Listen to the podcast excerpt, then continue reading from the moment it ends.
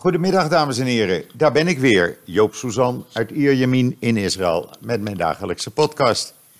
Ja, en zoals gebruikelijk, eerst maar eens even het weer. Nou, het was vandaag gewoon een lekkere dag. Uh, ik kon voor het eerst uh, mijn jas uit uh, thuis laten. En dat is toch wel, toch wel prettig eigenlijk. Ja, het is nu uh, bijna drie uur als ik dit, uh, deze podcast opneem. Uh, het zonnetje gaat al wat verdwijnen. Er komen ook wat wolkjes. Het wordt nou wat frisser. Maar met de zon erbij was het het grootste deel van de dag toch lekker weer. Met zo'n 19, 20 graden hier in Israël. En ja, morgen zou het zelfs nog een graadje warmer worden. Dus het gaat alleen maar de goede kant op tot het weekend. Want met Hanukkah, zegt men, krijgen we regen. Nou, we zullen het wel zien en we gaan het meemaken. Ja, en dan, uh, wat hebben we in de podcast vandaag? Nou, het was uh, gisteren feest bij de chipmaker uh, Habana in Caesarea. Want Intel had besloten dat bedrijf voor 2 miljard dollar te kopen. Ja, u hoort het goed, 2 miljard dollar. Uh, het bedrijf uh, Habana Labs, zoals ze officieel heten, ja, dat, uh, dat doet al jaren zaken met Intel. En die maken dus op artificial intelligence gebaseerde programmeerbare deep learning versnellers voor datacenters. Ja, als je je specialiseert, het blijkt maar weer. Intel heeft er dus veel geld voor over, als u zich herinnert. Zo'n uh, anderhalf, twee jaar geleden kochten ze Mobileye hier uit Israël voor 15 miljard dollar. Dus ja, de kassa is goed gevuld, denk ik, bij Intel. Daarnaast, Intel is natuurlijk al uh, de grootste particuliere werkgever in Israël. Dat moeten we ook niet vergeten. De meeste chips die uh, in uw computer of laptop of smartphone zitten, ja, die komen toch uit Israël. Die worden hier gemaakt. Dus ja, ik kan me voorstellen dat Habana Labs erg blij was en een feestje gevierd heeft. Want er valt toch weer aardig wat geld te verdelen, zo onder de uh, eigenaren en het personeel, wat daarmee van uh, gaat profiteren. Ja, ik ontkom er niet aan. Maar uh, ja, we krijgen natuurlijk de leiderschapsverkiezingen van de Likud. En er kwamen gisteravond zo'n duizend supporters van Gideon Saar naar een bijeenkomst in Or Yehuda bij Tel Aviv. Die juichten Gideon Saar toe, die zien hem als de redder van de Likud. Uh, ja, uh, wat zei Saar dan? Nou, hij was heel duidelijk. Hij zegt, iedereen begrijpt dat het onmogelijk is dat Likud na de verkiezingen van 2 maart onder leiding van Netanyahu een regering kan vormen. Dus dat werkt niet, kies mij, dat was zijn boodschap en dan zal je zien, dan komt er een regering.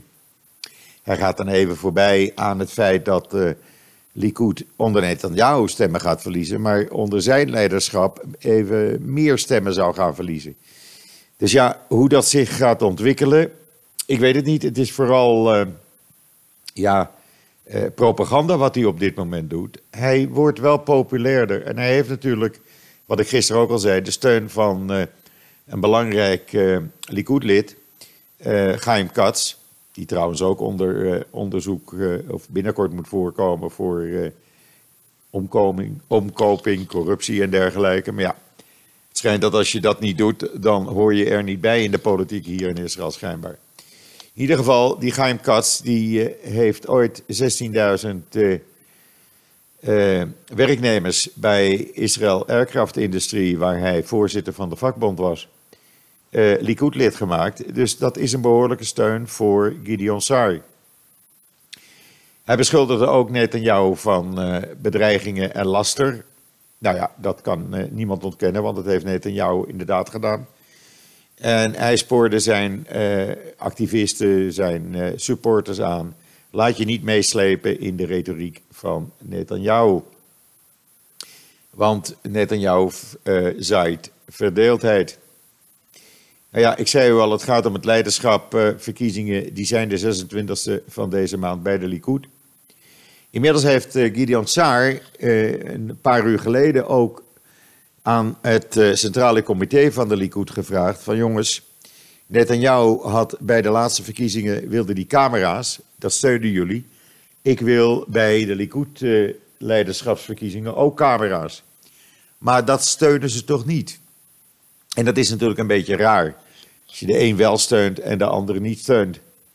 Uh, maar Saris, uh, Gideon Saar is bang dat uh, ja, er, er gerommeld wordt met de verkiezingsuitslag. En dan een enquête. En hoe raar het ook klinkt, maar de meeste Israëli's die zijn helemaal niet gelukkig met de balans tussen werk en hun privéleven.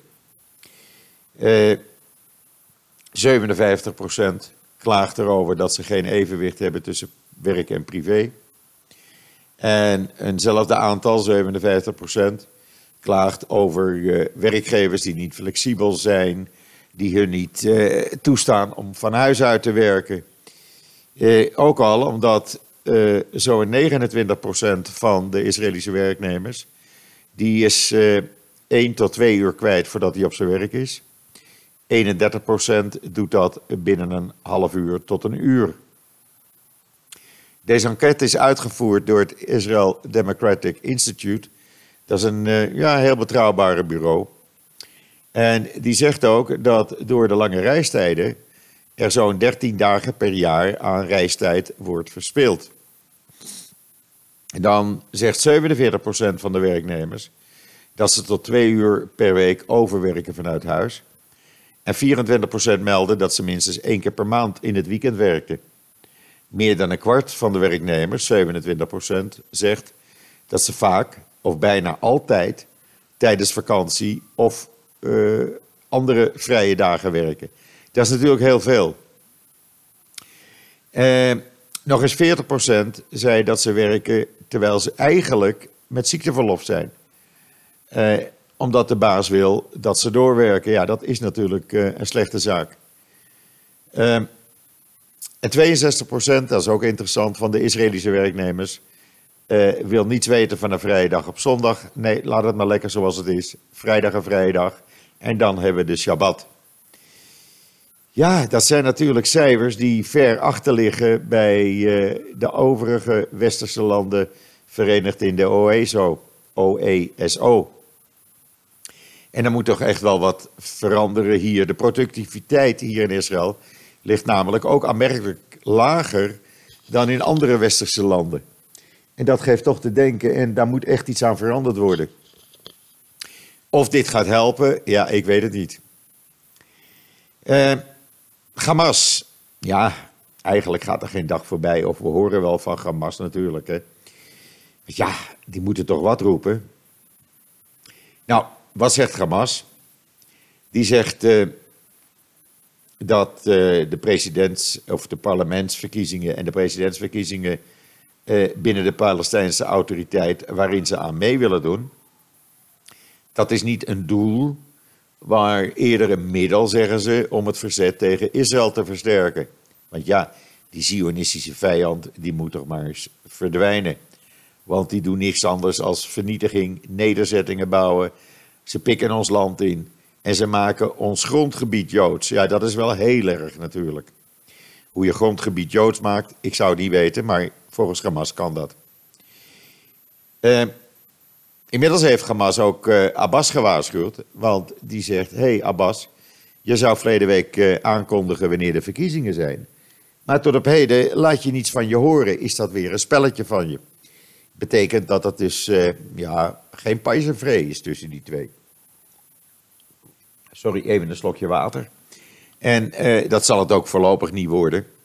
Hamas probeert natuurlijk gewoon uh, ja, zoveel mogelijk macht ook op de Westbank te krijgen. Ja, en dan hebben we Turkije. Want het lijkt erop dat ze een beetje de spanningen aan het opvoeren zijn. Want uh, ik had u verleden week het verhaal uh, meegedeeld of verteld dat ze een soort overeenkomst hebben met een Libische regering. Er zijn twee regeringen in Libië, maar zij hebben dus, zeggen ze, met eh, de, de echte Libische regering een overeenkomst. Waardoor ze dus eigenlijk de heerschappij over een groot gedeelte van de Middellandse Zee kunnen krijgen. En wat zeggen ze nou? Wij willen niet dat Israël, Cyprus en uh, Egypte, met Griekenland op de achtergrond, een pijplijn gaat aanleggen voor uh, het vervoer van gas. Vanuit Israël, Cyprus en Egypte naar Italië en zo de EU in. En waarom wil uh, Turkije dat niet? Nou, omdat natuurlijk uh, Cyprus is een vijand van ze. Zij hebben Noord-Cyprus bezet. Israël, nou, we zijn al jaren geen vriendjes meer met Turkije. Alhoewel, honderdduizenden Israëli's gaan nog elke zomer daar op vakantie. Ja, en met Griekenland zijn ze natuurlijk ook nooit op erg goede voet geweest. Dus ja, nu met de macht over de Middellandse Zee in handen, waar niemand iets tegen doet. Iedereen laat dat maar op zijn beloop. Laten ze ook zien dat zij de baas zijn. Hoe dat nu verder af gaat lopen, ik weet het niet.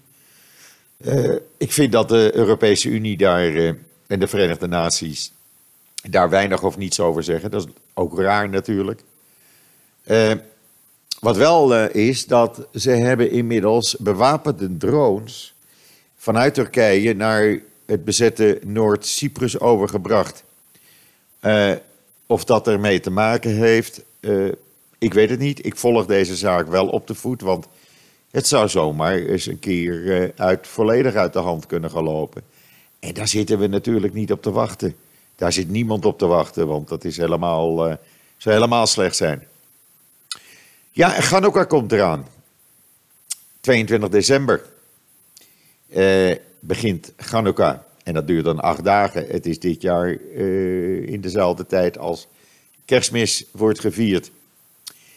En ik, uh, we hebben op, uh, op JoodsNL een aantal leuke dingen gezet. Wat je allemaal met Chanukka kan doen. Veel video's. Je kan natuurlijk, mocht u in de buurt zijn, naar de Klaagmuur. Daar wordt elke avond een enorme menorah ontstoken. Daar wordt gedanst. daar wordt opgetreden. Je kan ook naar de Dancing Camel in Tel Aviv. Die hebben wel een hele aparte Hanukkah. Want de menorah die zij gebruiken zijn gewoon lege bierflesjes met een kaars erin. Dat is weer eens wat anders. Dan kan je ook, en dat heb ik zelf al een aantal keren gedaan in het verleden. Kan je een, uh, uh, door de avond, als het donker is, in de oude stad van Jeruzalem of in de Joodse wijk Mea Sherim uh, een wandeling maken. U kunt het ook in Benay Barak doen of andere Joods-orthodoxe wijken. En dan zie je alle Chanukka's, alle menorah's, zoals het in Nederland heet, die zie je in boksen buiten de huizen staan. En dat is echt een heel mooi apart gezicht. Uh, ik vind het een aanrader. Het staat allemaal in glazen boksen, aangebracht op de muren buiten de winkels of de huizen, sommige ook achter de ramen. Echt leuk om een keer te doen. En dan natuurlijk, ja, Hanukkah. Without de Hanukkah donuts. Ja, dat kan natuurlijk niet. Hier in Israël noemen ze ze soufganiot. Ik zeg altijd, het is een, uh, ja, een mix tussen een uh, appelflap en een moorkop. En het doet aan beiden een beetje denken. En uh, ja, het is natuurlijk, je wordt ermee doodgegooid nu, volgegooid mee in elke shoppingmall, daar staan aparte kraampjes. En ja, het is moeilijk om er vanaf te blijven. Ik, eh, ik kan af en toe de verleiding niet ontstaan, weerstaan om toch eentje, ja, gewoon even te eten, want het is zo lekker. En dan, uh, ja, je kan natuurlijk ook een tocht maken in Hanukkah, in de Hanukkah-tijd, wat veel mensen doen met hun kinderen, want de scholen zijn vrij. Naar nationale parken waar de geschiedenis van Israël en het Joodse volk dan te zien is. Ja, en Hanukkah zonder een grote feestshow. Nou, elke stad heeft er wel eentje. Eh, met allerlei artiesten, eh, vaak gericht op kinderen en jongeren. Maar altijd leuk en dat is eh, over het hele land. En sinds eh, 1981 wordt het al volop gedaan. Dus ja, bent u in de buurt, ga het gewoon doen. En als u dat een beetje te veel vindt, nou, er is een enorme grote Hanukkah show in uh, de Menorah Arena in Tel Aviv. Het is echt een feest met de belangrijkste artiesten van Israël. Onder natuurlijk Netta, Netta Barzilai. Zij ontbreekt op geen één groot feest meer in Israël. En ja, het is gewoon een gezellige tijd hier. Overal op straat zie je grote Chanukkia's, grote menorah's. Die worden door de Gabat elke avond ontstoken. en dat is, sorry, en dat is erg, eh, erg leuk, ja. Het is dus wat anders dan een kerstboom. En dan binnenkort hoeven we niet meer met de auto naar de garage als er een mankement is. Oh nee, nee. Aurora Labs uit Israël, die uh, heeft zo goed als klaar een zichzelf herstellende auto. En hoe werkt dat dan? Nou, heel simpel. Het is allemaal met ingebouwde computers en elektronica. En ja, uh, op die manier uh, zorgt de elektronica dat het zich herstelt. Het is een beetje een combinatie zoals Tesla ook doet. Als daar een mankement aan je Tesla-auto is, dan wordt dat van afstand uh, uh, gerepareerd. Nou, uh, Aurora Labs, u kunt het lezen op JoodsNL, die heeft dus nu een systeem waardoor je auto gewoon zichzelf repareert als er een mankement is. En dat is natuurlijk fantastisch. Dat scheelt je heel veel tijd. Je hoeft niet meer te wachten in een garage. En is gewoon leuk om, of makkelijk om te doen natuurlijk. Er zit ook een video bij, bij het artikel in JoodsNL. En dan een Israëli stel. Ja, ik wist het niet, maar toen ik het las, ik vond het zo leuk. Een Israëli stel, die uh, heeft over hun huwelijk en hun leven, uh, maken ze komische cartoons. En daar hebben ze honderdduizenden fans over de hele wereld van.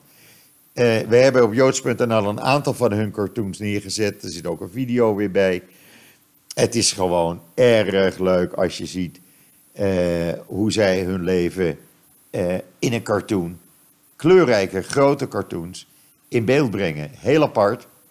En ik vind dat, uh, ja, als je zo creatief bent, dat je het op die manier kan doen, ja, dan, ik kan me voorstellen dat je dan zoveel bewonderaars hebt. Ik zou zeggen, ga het even lezen op joods.nl. En ja, Misschien wilt u zelf ook wel gaan volgen aan ze. Uh, ze doen uh, cartoon, uh, cartoonstrips over hun huwelijk, over het kinderen krijgen, over het vrije, over, nou ja, van alles. Hun hele leven in een cartoon. En dat is al een aantal jaren dat ze dat doen. En dat is echt, ja, ik vind dat toch wel heel bijzonder als je zo durf en zo creatief bent om je leven in een cartoon wekelijks, maandelijks voor het voetlicht te brengen. En dan uh, WhatsApp-gebruikers, die mogen wel blij zijn met Checkpoint uit Israël. Want die heeft uh, gezorgd dat er veel ellende ons bespaard bleef als WhatsApp-gebruiker. Die hadden namelijk een mankement gevonden in WhatsApp voor groepchats. Groep, uh, chats als je dus een groep aanmaakt in WhatsApp, konden anderen daar eh, op een of andere manier makkelijk inkomen. En dat hebben ze meegedeeld aan WhatsApp. En WhatsApp heeft dat inmiddels hersteld. En dat is maar goed ook. En dan zit er een rel aan te komen hier in Israël.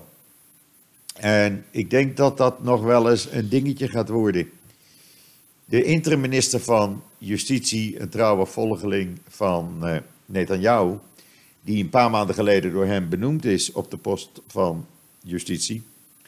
Die interim-minister, die uh, heeft gezegd, weet je wat, ik ga een, uh, een nieuwe openbare aanklager uh, kiezen.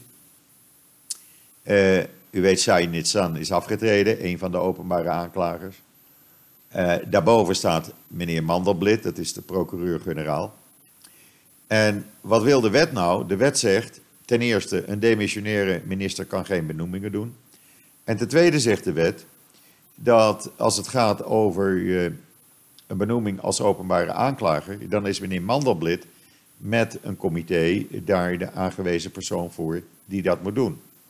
Nee, zegt meneer Ohana, ik doe dat niet. Jij mag dat niet doen, ik bepaal. Nou, dat is tegen de wet. En waarom doet hij dat? Omdat hij een uh, openbare aanklager wil hebben die misschien uh, Netanyahu uh, ter wille is. En zorgt dat die aanklachten van, of tegen Netanyahu eh, worden ingetrokken. Of althans verzacht. En op die manier probeert hij dus de zaak te beïnvloeden. Nou, juridisch kan dat helemaal niet. Het mag ook niet. Eh, maar het gebeurt toch. Dus Mandelblit heeft al aangekondigd dat hij eh, eh, naar het Hoge Rechtshof gaat. En de zaak voorlegt aan, het Hoge Rechtshof. En dat die daar maar een besluit over moeten nemen. Maar dat wordt dus wel een dingetje. En ja, ik vind dat een slechte zaak. En dan zijn er drie uh, ultra-orthodoxe Joden die zijn aangeklaagd. Dat is ook zo raar. Die hadden in 2018 uh, gebeden, een kort gebed gezegd op de Tempelberg. Nou is daar een status quo. En die status quo houdt natuurlijk in dat dat juist niet mag. Uh, de moslims, uh, ja, die hebben dat toen afgedwongen. Maar het mag dus niet. En deze drie, die hebben dat dus wel gedaan. En die zijn nu aangeklaagd. En moeten over een tijdje voor de rechtbank verschijnen. Ik ben toch benieuwd hoe dat gaat aflopen, want het is een beetje een rare zaak. Je stoort er niemand mee en uh, ja, er zijn een paar uh, extremistische moslims die daar weer moeilijk over doen. Maar het is ook voor Joden is de Tempelberg natuurlijk een heilige plek. Laten we dat niet vergeten. Het was de plek waar de tempels hebben gestaan die vernietigd waren of zijn door de Romeinen. Dus ja, het is een heilige grond, zowel voor moslims als voor Joden. Maar ja, er schijnt dus een, eh, een stilzwijgende overeenkomst te zijn dat Joden daar wel mogen lopen, maar niet mogen bidden. Dus benieuwd wat hiermee gaat gebeuren. En dan, uh, ja, nog één dingetje. Uh, u weet dat waarschijnlijk nog van die kaartenactie voor mijn vader. Ja, het gaat goed met hem inmiddels. Hij is aan het revalideren. Hopelijk mag hij over uh, een week of drie naar huis. Hij zit in het Zonnehuis in Amstelveen.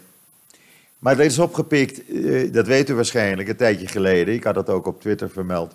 Door radio en televisie Amstelveen en later TV Noord-Holland. Die hebben daar een filmpje, een item aan gewijd. En dat is nu opgepikt, opgepikt door Wierduk van de Telegraaf. En die heeft mijn vader geïnterviewd. En daar uh, uh, komt een heel mooi uh, kerstverhaal, zeg maar. donderdag of vrijdag in de Telegraaf. Waarbij ook ik nog even ben geïnterviewd door Wiert. ja, heel leuk om daaraan mee te werken. En heel leuk eigenlijk om mijn vader op die manier nog even op zijn 96-jarige leeftijd in het zonnetje te zetten. Waarom ook niet? Hij verdient het en hij geniet daarvan.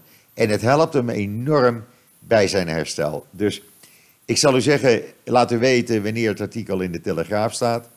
En dan kunt u gewoon even lezen over de Soezans en uh, ja, hoe dat allemaal zit bij die, uh, bij die familie Soezan. Wel leuk. Uh, het leukste voor mijn vader nogmaals.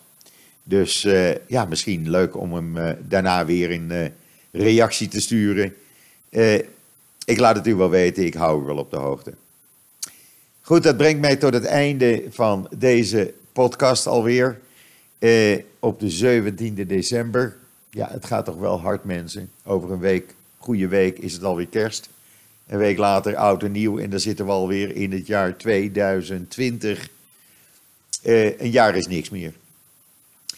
Maar goed, ik wens u nog een hele fijne voortzetting van deze dinsdag. En wat mij betreft zeg ik zoals iedere dag: tot ziens, tot morgen.